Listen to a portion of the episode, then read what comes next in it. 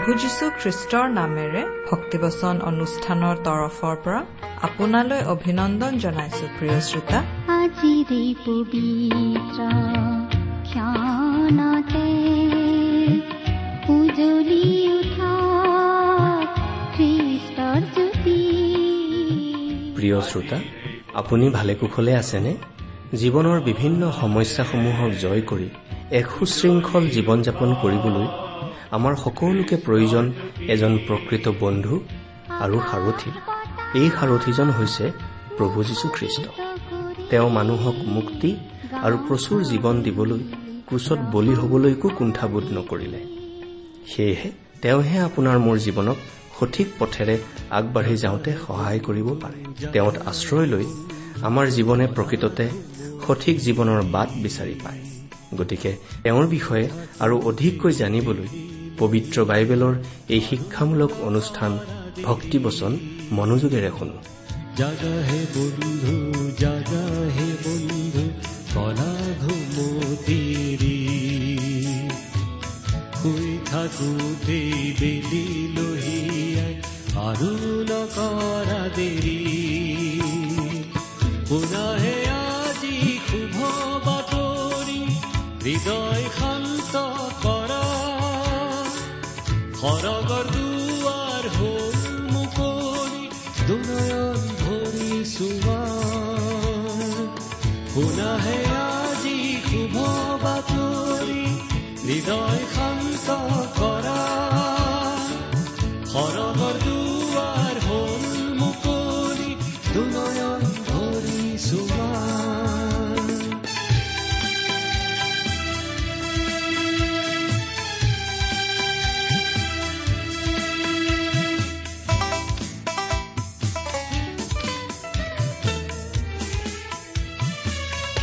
যিশুৱে মাতে আহা কাষৰে ভয় শংকা অনন্ত জীৱন আছে তেওঁতে আহা সবে আজি দৰি যিশুৱে মাতে আহা কাষৰে ভয় শংকা অনন্ত জীৱন আছে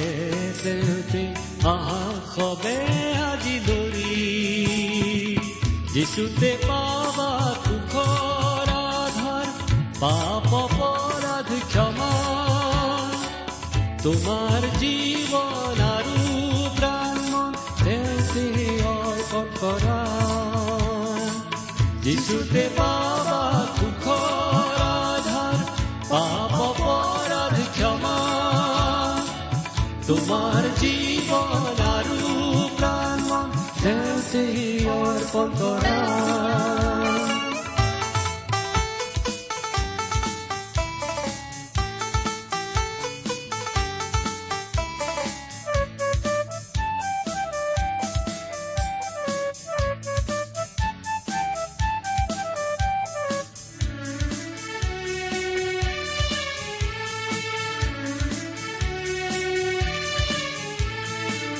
যিশুৱে মাতে আহা কাষৰে ভয় শংকা অনন্ত জীৱন আছে তেওঁতে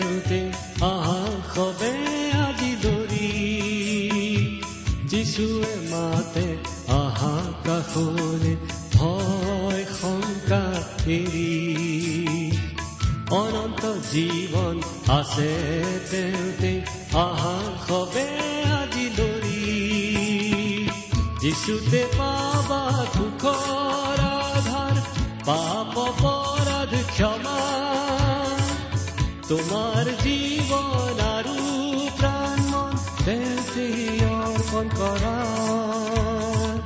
যিচুতে পাবা সুখৰ আধাৰ পাপ অপৰাধ ক্ষমা। তোমাৰ জীৱন আৰু প্ৰাণ তেওঁতে অৰ্পণ কৰা জাগা হে বন্ধু জাগা হে বন্ধু কলা ঘুমতিৰি। শুই থাকোতেই বেলি লহিয়াই আৰু নকৰা দেৰি। জাগা হে বন্ধু জাগা হে বন্ধু কলা ঘুমতিৰি। শুই থাকোতেই বেলি লহিয়াই আৰু আমাৰ পৰম পবিত্ৰ প্ৰভু যীশুখ্ৰীষ্টৰ নামত নমস্কাৰ প্ৰিয় শ্ৰোতা। আশা কৰো মহান পিতা পৰমেশ্বৰৰ মহান অনুগ্ৰহত আপুনি ভালে কুশলে আছে। আচলতে এই পৃথিৱীত যে আমি জীয়াই আছো আমাৰ জীৱনৰ প্ৰতিটো পলৰ বাবে আমি ঈশ্বৰক ধন্যবাদ দিব লাগে। কিন্তু এই জীৱনৰ সিপাৰে যি অনন্ত জীৱন আছে সেই অনন্ত জীৱন যেন আমি স্বৰ্গত কটাব পাৰো তাৰ ব্যৱস্থা যে ঈশ্বৰে কৰিলে সেইবাবেহে আমি ঈশ্বৰক অধিক ধন্যবাদ দিব লাগে। ঈশ্বৰৰ সেই ব্যৱস্থাৰ কথা আমি তেওঁৰ মহান বাক্য বাইবেল শাস্ত্ৰত পাওঁ। সেই বাইবেল শাস্ত্ৰ সহজ সৰলভাৱে অধ্যয়ন কৰাৰ চেষ্টা আমি কৰি আহিছো এই ভক্তিবচন অনুষ্ঠানৰ যোগেৰে। আশা কৰো আপুনি আমাৰ এই অনুষ্ঠান নিয়মিতভাৱে শুনি আছে। শুনি কেনে পাইছে বাৰু? কিবা প্ৰকাৰে উপকৃত হৈছেনে? অনুগ্ৰহ কৰি আমালৈ লিখি পঠিয়াওকচোন। আপোনালোকৰ পৰা চিঠি পত্ৰ পাবলৈ আমি আশাৰে বাট চাই থাকো। অনুগ্ৰহ কৰি আজিয়ে দুখাৰিমান লিখি পঠিয়াওকচোন। আহকচোন। আজিৰ বাইবেল অধ্যয়ন আৰম্ভ কৰাৰ আগতে খন্তেক প্ৰাৰ্থনাত মূৰ দুৱাওঁ হওক। আমি প্ৰাৰ্থনা কৰো। স্বৰ্গত থকা অসীম দয়ালু কৰোণাময় পিতৃ তোমাৰ তুলনা নাই তোমাৰ প্ৰেম তোমাৰ কৰুণা তোমাৰ অনুগ্ৰহৰ কথা আমি বৰ্ণনা কৰি শেষ কৰিব নোৱাৰো। প্ৰভু যীশুৰ যোগেদি তুমি আমালৈ যি অনুগ্ৰহ দেখুৱাইছা তাৰ বাবে তোমাক অশেষ ধন্যবাদ পিতা। এতিয়া আমি তোমাৰ মহান বাক্য বাইবেল শাস্ত্ৰ অধ্যয়ন কৰিবলৈ আগবাঢ়িছো। তোমাৰ বাক্য তুমিয়েই আমাক বুজাই দিয়া। এই অনুষ্ঠানৰ আৰম্ভণিৰ পৰা শেষলৈকে তুমিয়েই আমাৰ চলাওঁতা হোৱা। অনুষ্ঠান শুনি থকা প্ৰতিজন শ্ৰোতাৰ জীৱনত তোমাৰ মহান অনুগ্ৰহৰ আশীৰ্বাদ প্ৰকাশ পাই উঠিবলৈ দিয়া। তেওঁলোকৰ জীৱন সৰ্বাংগ সুন্দৰ কৰি তোলা। কিয়নো এই প্ৰাৰ্থনা আমাৰ মহান ত্ৰাণকৰ্তা প্ৰভু যীশুখ্ৰীষ্টৰ নামত আগবঢ়াইছো।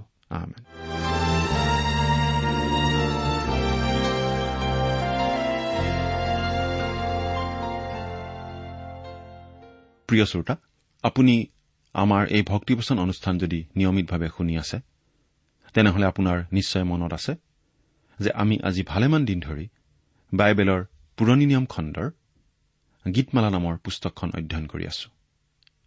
আৰু এই গীতমালা পুস্তকখনৰ বেছিভাগ গীতেই ডায়ুদৰ দ্বাৰা ৰচিত গীত। এই গীতবোৰ ডায়ুদে বিভিন্ন সময় আৰু পৰিৱেশত ঈশ্বৰৰ আনুগত্য প্ৰকাশ কৰি ৰচনা কৰিছিল। আমি ইতিমধ্যেই জানিছো যে ডায়ুদ এজন ঈশ্বৰভক্ত আৰু কৰ্তব্যপৰায়ণ পুৰুষ আছিল।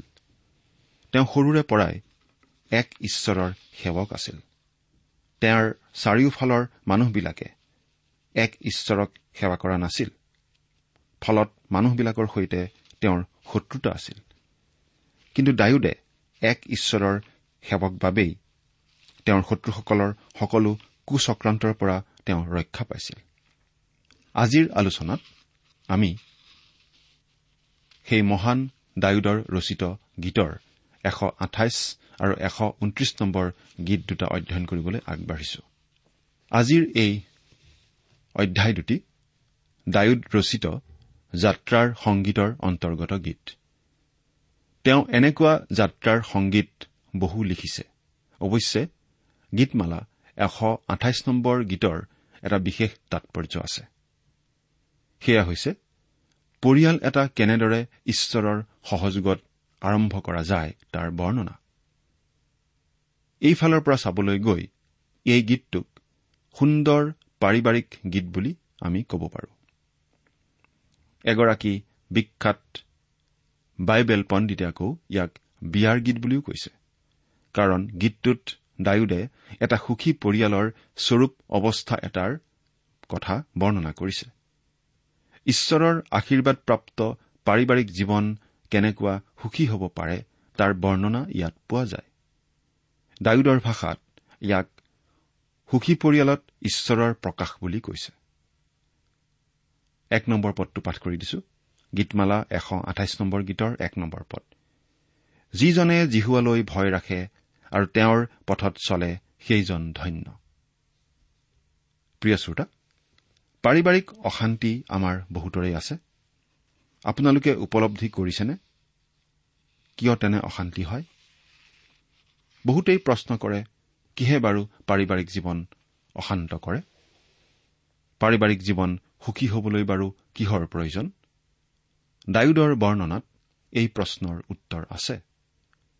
ইয়াত প্ৰতিটো পৰিয়ালৰ বাবে শান্তি তথা সুখী হোৱাৰ বৰ্ণনা আছে। প্ৰতিটো পৰিয়ালে বিশেষকৈ নতুনকৈ আৰম্ভ কৰিব খোজা পৰিয়ালে বিশেষ কিছুমান নীতি নিয়ম কিছুমান বিশেষ সময়ত পালন কৰিব লাগে। সকলোৱে তেনে বিশেষ মুহূৰ্তৰ নিয়মবোৰৰ সৈতে নিজকে খাপ খুৱাব লাগে। প্ৰিয় শ্ৰোতা মনত ৰাখিব সকলোতকৈ প্ৰয়োজনীয় নিয়মটো হৈছে ঈশ্বৰলৈ ভয় ৰখা। ঈশ্বৰৰ প্ৰতি ভয় নথকা পৰিয়াল এটা কেতিয়াও সুখী হ'ব নোৱাৰে। ঈশ্বৰ যদি পৰিয়ালৰ মুৰব্বী নহয় বা পৰিয়ালৰ লোকসকলে যদিহে জীৱনৰ প্ৰতিটো স্তৰত ঈশ্বৰৰ প্ৰতি ভয় নাৰাখে তেন্তে সেই পৰিয়াল কেতিয়াও সুখী পৰিয়াল হ'ব নোৱাৰে। ঈশ্বৰৰ ভয়নো কি বা কেনেদৰে ইয়াক পালন কৰিব পাৰি সেয়া এটা আলোচনাৰ বিষয়। বহুতে ইয়াক মনস্তাত্বিক ধাৰণা বুলি ক'ব খোজে। কিছুমানে ভাবে যে ঈশ্বৰৰ প্ৰতি ভয় হ'ল ঈশ্বৰৰ সৈতে থকা বা ঈশ্বৰৰ সৈতে জীৱন নিৰ্বাহ কৰা। এটা সুন্দৰ উদাহৰণ মনত পৰিছে। এজন মানুহে বাইবেলৰ পণ্ডিত এজনক সুধিছিল আপুনি বাৰু ইমান দিনে কত কেনেকৈ কটালে? উত্তৰত শিক্ষকজনে এনেদৰে কৈছিল মই ইমান দিনে বাহিৰতে কটালো। ইয়াৰ ব্যাখ্যা দিবলৈ গৈ শিক্ষকজনে কলে প্ৰথমতে তেওঁ পৰিয়ালে সৈতে ঈশ্বৰৰ সান্নিধ্যত নাছিল। ফলত সদায় পৰিয়ালত দণ্ড কাজিয়া চলিছিল আৰু অশান্তি হৈ আছিল। ইয়াকেই তেওঁ বাহিৰত কটোৱা বুলি কৈছিল। আন কথাত কবলৈ গ'লে যি পৰিয়ালত ঈশ্বৰ ভয় কৰোতা লোক নাথাকে সেইটো পৰিয়াল ঈশ্বৰৰ পৰা দূৰত বসবাস কৰা পৰিয়াল হয়। কিন্তু প্ৰিয় শ্ৰোতা এনেদৰে বাহিৰত জীৱন কটোৱাটো কেতিয়াও শান্তিৰ জীৱন হ'ব নোৱাৰে। পাৰিবাৰিক জীৱন শান্তিপূৰ্ণ হবলৈ ঈশ্বৰ ভয় থাকিবই লাগিব। কিয়নো তুমি নিজ হাতৰ শ্ৰমৰ ফল ভোগ কৰিবা। তুমি সুখী হবা আৰু তোমাৰ মংগল হ'ব। প্ৰতিটো পৰিয়ালত গিৰিহঁতৰ দায়িত্বৰ কথা ইয়াত কোৱা হৈছে। স্বামীৰ দায়িত্ব ও কৰ্তব্যৰ ওপৰত এটা পৰিয়ালত তিৰোতাৰ উন্নতি নিৰ্ভৰ কৰে। প্ৰিয় শ্ৰোতা ইয়াত সাৰ কথা এইয়ে যে যি পৰিয়ালত স্বামীয়ে ঈশ্বৰত ভয় ৰাখি পৰিয়াল পৰিচালনা কৰে সেইটো পৰিয়াল এটি সুখী পৰিয়াল। তেনে সুখী পৰিয়ালত ঘৰৰ গৃহিণীগৰাকীও অতিকৈ সুখী। এনে পৰিয়ালত স্বামী স্ত্ৰীয়ে ল'ৰা ছোৱালীৰে সৈতে সুখী জীৱন ধাৰণ কৰিব পাৰে। তিনি নম্বৰ পদ।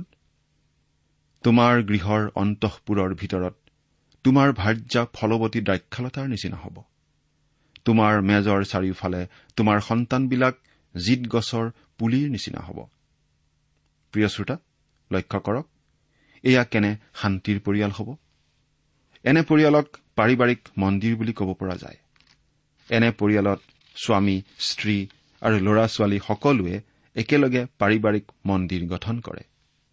ইয়াত সকলো সময়তে ঈশ্বৰৰ উপস্থিতিক কামনা কৰা হয় আৰু সন্মান জনোৱা হয়। প্ৰকৃততে এনে পৰিয়ালত পাৰিবাৰিক প্ৰাৰ্থনাৰ সময়ত ঈশ্বৰৰ গৌৰৱ সফলৰূপে প্ৰকাশিত হয়। গীৰ্জাঘৰলৈ বিশ্বাসকাৰীসকল আহে আৰু প্ৰাৰ্থনাৰ শেষত গুচি যায়। তাত ঈশ্বৰৰ নামত প্ৰাৰ্থনা তথা সেৱা আৰাধনা হলেও বহু ক্ষেত্ৰত সেয়া গতানুগতিক মাথোন হৈ পৰে। কিন্তু বিশ্বাসকাৰীসকলৰ পৰিয়ালটোৱেই ঈশ্বৰৰ মন্দিৰ য'ৰ পৰা সদায় ঈশ্বৰৰ গৌৰৱ প্ৰকাশ হয়। এনে পৰিয়ালত ঈশ্বৰ যেনেদৰে মহিমান্বিত হয় তেনেদৰে বিশ্বাসকাৰীসকলেও আশীৰ্বাদপ্ৰাপ্ত তথা ফলৱান হয়। চাৰি আৰু পাঁচ নম্বৰ পদ। চোৱা যিজনে জিহুৱালৈ ভয় ৰাখে সি এইদৰে আশীৰ্বাদপ্ৰাপ্ত হয়। জিহুৱাই চিউনৰ পৰা তোমাক আশীৰ্বাদ কৰিব। তোমাৰ জীৱনৰ সকলো দিনত তুমি জিৰচালেমৰ মংগল ভোগ কৰিবা। ঈশ্বৰৰ প্ৰতিজ্ঞা আৰু আশীৰ্বাদ সেই পৰিয়ালত থাকে যি পৰিয়ালত ঈশ্বৰ ভয় সদায় থাকে। প্ৰিয় শ্ৰোতা মনত ৰাখিব যে ঈশ্বৰৰ আশীৰ্বাদ মাথো এই জীৱনতেই নহয় কিন্তু আহিব লগা আমাৰ পৰৱৰ্তী জীৱনতো উপচি পৰিব। আন কথাত ঈশ্বৰৰ আশীৰ্বাদ এনে পৰিয়ালৰ পৰা কেতিয়াও শেষ নহ'ব।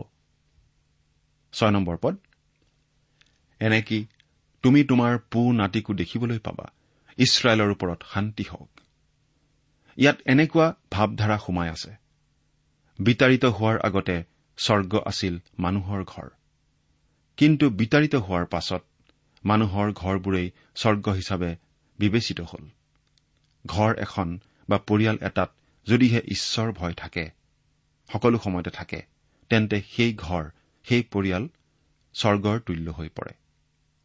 পৰিয়ালৰ ল'ৰা ছোৱালীবিলাকেও জানিব আৰু দেখিব যে তেওঁলোকৰ পিতৃ মাতৃসকলে ঈশ্বৰক প্ৰেম কৰে সেৱা আৰাধনা কৰে মানি চলে আৰু প্ৰতিটো ক্ষেত্ৰতেই ঈশ্বৰৰ ওপৰত নিৰ্ভৰ কৰে আৰু এনেদৰেই এই ল'ৰা ছোৱালীবিলাকে ঈশ্বৰক জানিব পাৰে। তেওঁলোকৰ পাছত তেওঁলোকৰ ল'ৰা ছোৱালীবিলাকেও একে শিক্ষা পাব পাৰে তাৰ ফলত এটা পৰিয়ালৰ যোগেদি চিৰদিন ঈশ্বৰৰ গৌৰৱ প্ৰচাৰ হ'ব পাৰে। ঈশ্বৰেও এনে পৰিয়ালক অধিক পৰিমাণে আশীৰ্বাদ কৰে। প্ৰিয় শ্ৰোতা চাওকচোন এটা আদৰ্শ পৰিয়ালৰ যোগেদি কেনেদৰে সুন্দৰ সমাজ গঠন হ'ব পাৰে? আপুনি আপোনাৰ পৰিয়ালটো স্বৰ্গৰ দৰে হোৱাটো কামনা কৰেনে? নে তাৰ বিপৰীতটো কামনা কৰে? ঈশ্বৰক ভয় কৰোতাসকলৰ পৰিয়ালবিলাক স্বৰ্গৰ লগত তুলনা কৰিব পাৰি। এই কথা আমি পাহৰা উচিত নহয়। এইদৰে গীতমালা এশ আঠাইছ নম্বৰ গীতৰ মূল ভাৱ হৈছে ঈশ্বৰলৈ ভয় ৰাখোতাবিলাকে জীৱনত তেওঁৰ আশীৰ্বাদ পায়। এতিয়া আহকচোন প্ৰিয় শ্ৰোতা আমি গীতমালাৰ এশ ঊনত্ৰিশ নম্বৰ গীতৰ অধ্যয়নলৈ আগবাঢ়ি যাওঁ হওক। এই গীতটো যাত্ৰাৰ গীতৰেই অংশ। কিন্তু ইয়াত ডায়ুদে আন এটা যাত্ৰাৰ কাহিনী বৰ্ণনা কৰিছে। আমি প্ৰায় সকলোৱেই মুচি ভাৱবাদীক জানো। তেওঁক ঈশ্বৰে মনোনীত কৰি পঠাইছিল যেন ইছৰাইলৰ সন্তানসকলক মিছৰত থকা ফৰৌনৰ অত্যাচাৰৰ পৰা ৰক্ষা কৰি উদ্ধাৰ কৰি আনিব পাৰে। মুচিয়ে ইছৰাইলৰ সন্তানসকলক মোকলাই আনিছিল যদিও এই লোকবিলাকেই আকৌ ঈশ্বৰৰ বিৰোধিতা কৰিছিল। ইছৰাইলৰ সন্তানসকলে মিছৰৰ পৰা যাত্ৰা কৰাৰ সময়ত তেওঁলোকে বহু তাৰণা আৰু কষ্ট পাইছিল। কিন্তু ঈশ্বৰৰ অনুগ্ৰহত তেওঁলোকে জীৱন্তে প্ৰতিজ্ঞাৰ দেশত প্ৰৱেশ কৰিব পাৰিছিল। আৰু প্ৰতিজ্ঞাৰ দেশৰ জিৰচালেমত তেওঁলোকে ঈশ্বৰৰ সেৱা আৰাধনা কৰিব পাৰিছিল। ঐতিহাসিক কথাৰে ডায়ুদে এই গীত ৰচনা কৰিছিল। এক আৰু দুই নম্বৰ পদ পাঠ কৰি দিম। ইছৰাইলে এই কথা কওক মোৰ যৌৱন কালৰে পৰা সিহঁতে মোক অনেকবাৰ ক্লেশ দিলে। মোৰ যৌৱন কালৰে পৰা সিহঁতে মোক অনেকবাৰ দুখ দিলে। তথাপি মোক জিনিব পৰা নাই। ইছৰাইলৰ সন্তানসকলে মিছৰত ফৰৌন ৰজাৰ অধীনত কেনে কষ্ট আৰু যাতনা পাইছিল তাৰেই বৰ্ণনা ইয়াত পোৱা যায়। ইয়াৰ পৰা এইটোও জনা যায় যে ইছৰাইলৰ সন্তানসকল শত্ৰুৰ হাতত কেতিয়াও পৰাস্ত হোৱা নাই। ইয়াৰ মূল কাৰণ হ'ল ঈশ্বৰ তেওঁলোকৰ লগত আছিল। প্ৰিয় শ্ৰোতা এয়াই প্ৰমাণৰ কাৰণে যথেষ্ট হ'ব।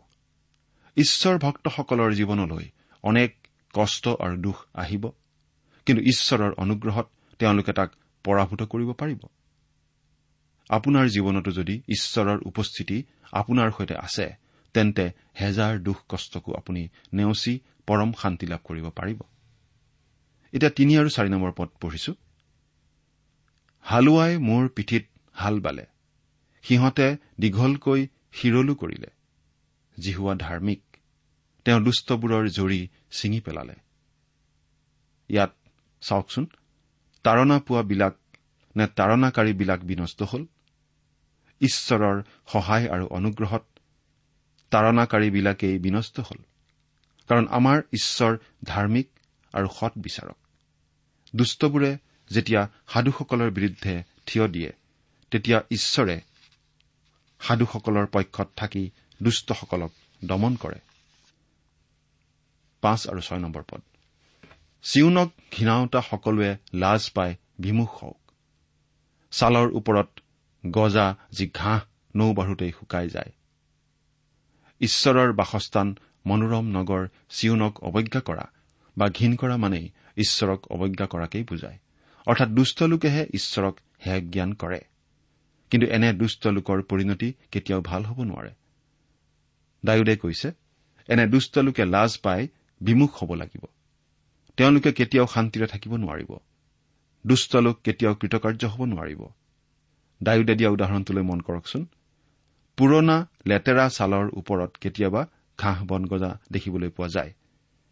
কিন্তু সেইবোৰৰ স্থায়িত্ব নাই। সেইবোৰ বৰ ক্ষণস্থায়ী। কাৰণ স্থায়ী হবলৈ এই ঘাঁহবোৰৰ তলত প্ৰচুৰ পৰিমাণে মাটি আৰু পানীৰ অভাৱ। ঠিক একেদৰে ঈশ্বৰক অৱজ্ঞা কৰা লোকৰ অৱস্থাও অস্থায়ী হয়। জয়যুক্ত জীৱন লাভ কৰিবলৈ তেওঁলোকে ঈশ্বৰৰ সহায় নাপায়।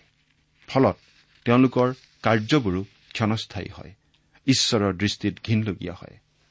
প্ৰিয় শ্ৰোতা এইখিনিতে আহকচোন আমাৰ নিজৰ বিষয়ে অলপ চিন্তা কৰি চাওঁ হওক।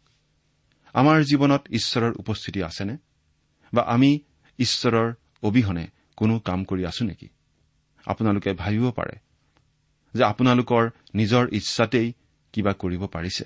কিন্তু আপোনালোকৰ সেই সামৰ্থ্যৰ স্থায়িত্ব নাই। আছে কিন্তু অলপ সময়ৰ বাবেহে। কিন্তু যদিহে কোনো কাম ঈশ্বৰৰ উপস্থিতিত কৰা হৈছে তেন্তে তাৰ নিশ্চয় স্থায়িত্ব আছে। সাত আৰু আঠ নম্বৰ পদ। যিহেৰে দাওতাই নিজৰ মুঠি পূৰাব নোৱাৰে আৰু যিহেৰে ডাঙৰি বান্ধোতাই নিজৰ আওকাল পূৰাব নোৱাৰে সিহঁত সেই ঘাঁহৰ নিচিনা হওক। তোমালোকৰ ওপৰত জিহুৱাৰ আশীৰ্বাদ পৰক। জিহুৱাৰ নামেৰে আমি তোমালোকক আশীৰ্বাদ কৰো।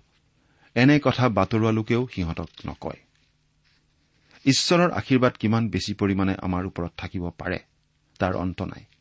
ইয়াত ডায়ুদে এটা উদাহৰণ দি কৈছে যে কোনো মানুহেই ঈশ্বৰৰ আশীৰ্বাদ গণনা কৰিব নোৱাৰে। প্ৰিয় শ্ৰোতা আপোনাৰ জীৱনলৈ ঈশ্বৰৰ কিমান আশীৰ্বাদ আহে সেইবোৰ হিচাপ কৰি শেষ কৰিব পাৰিবনে? ৰাতিপুৱাৰে পৰা গধূলিলৈকে আমাৰ অজ্ঞাতেই ঈশ্বৰৰ আশীৰ্বাদ আমি পাই থাকো হওক। সাধু পৌলে স্বীকাৰ কৰি কৈছে কিন্তু ঈশ্বৰে আমালৈ তেওঁৰ প্ৰেমৰ প্ৰমাণ দিছে। কাৰণ ইতিপূৰ্বেই যেতিয়া আমি পাপী আছিলো তেতিয়া খ্ৰীষ্টে আমাৰ কাৰণে আপোন প্ৰাণ দিলে। ৰুমিয়া পাঁচ অধ্যায় আঠ নম্বৰ পদ। প্ৰিয় শ্ৰোতা সাধু পৌলৰ দৰে আপুনিও ঈশ্বৰৰ অনুগ্ৰহ উপলব্ধি কৰিব পাৰে। আমি পাপি থাকোতেই বা আমি ঈশ্বৰক জনা বা গ্ৰহণ কৰাৰ পূৰ্বেই তেওঁ আমাক অনুগ্ৰহ কৰিলে। তেন্তে ঈশ্বৰক জনাৰ পিছত তেওঁ আমাক আৰু অধিক আশীৰ্বাদ নকৰিবনে? গীত ৰচক ডায়ুদৰ অভিজ্ঞতাও তেনেকুৱাই। পাপীৰূপেই হওক বা ধাৰ্মিক ৰূপেই হওক ঈশ্বৰৰ প্ৰেম আৰু আশীৰ্বাদ আমালৈ সদায় আহে আৰু তাক হিচাপ কৰি আমি অন্ত কৰিব নোৱাৰো।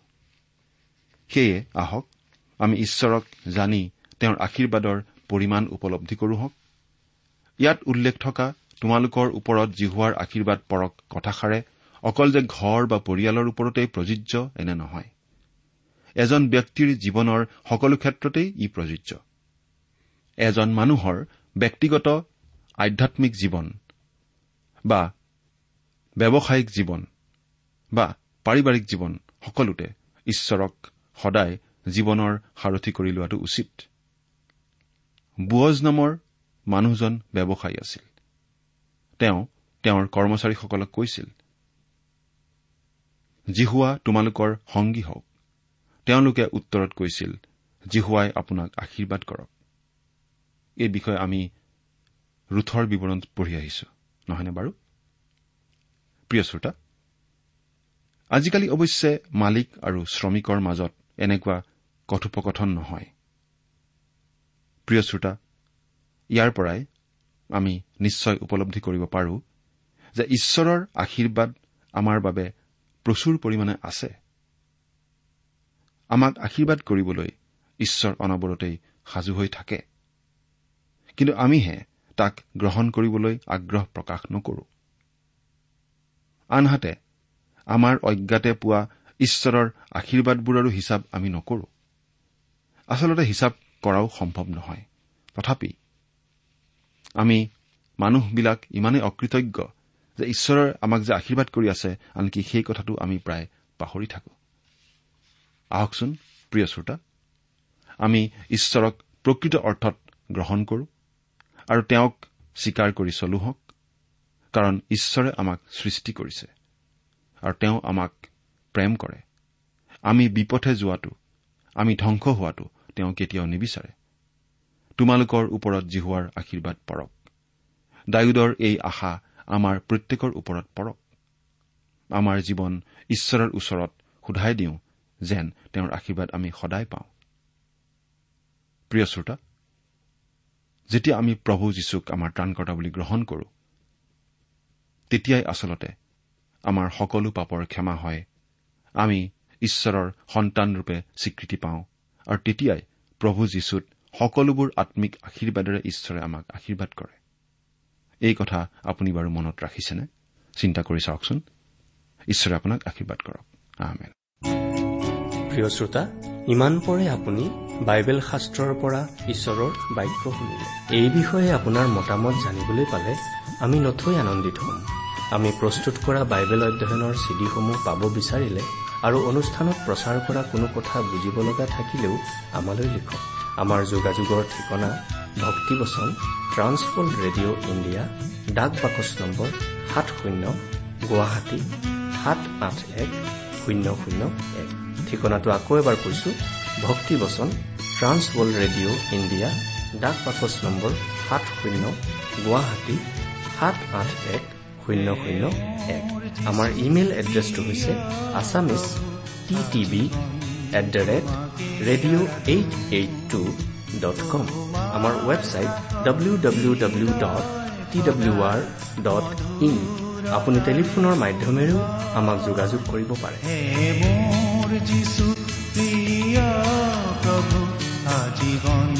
তোমাকে তোমাৰ কাষত হৃদয় সদায় হয়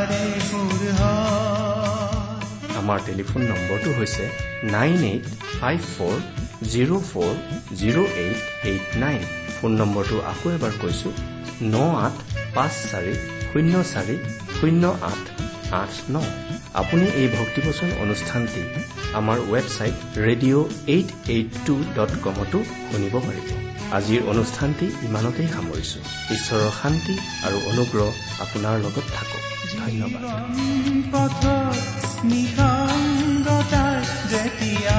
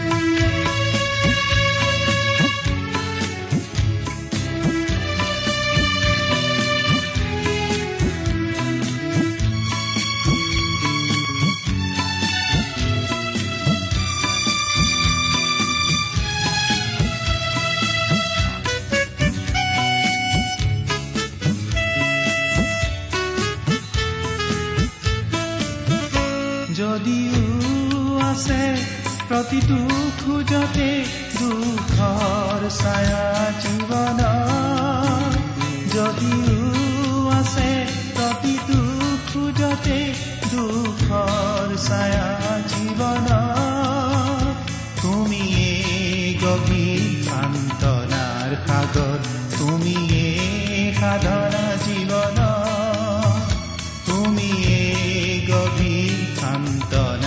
সান্তনাৰ সাগৰ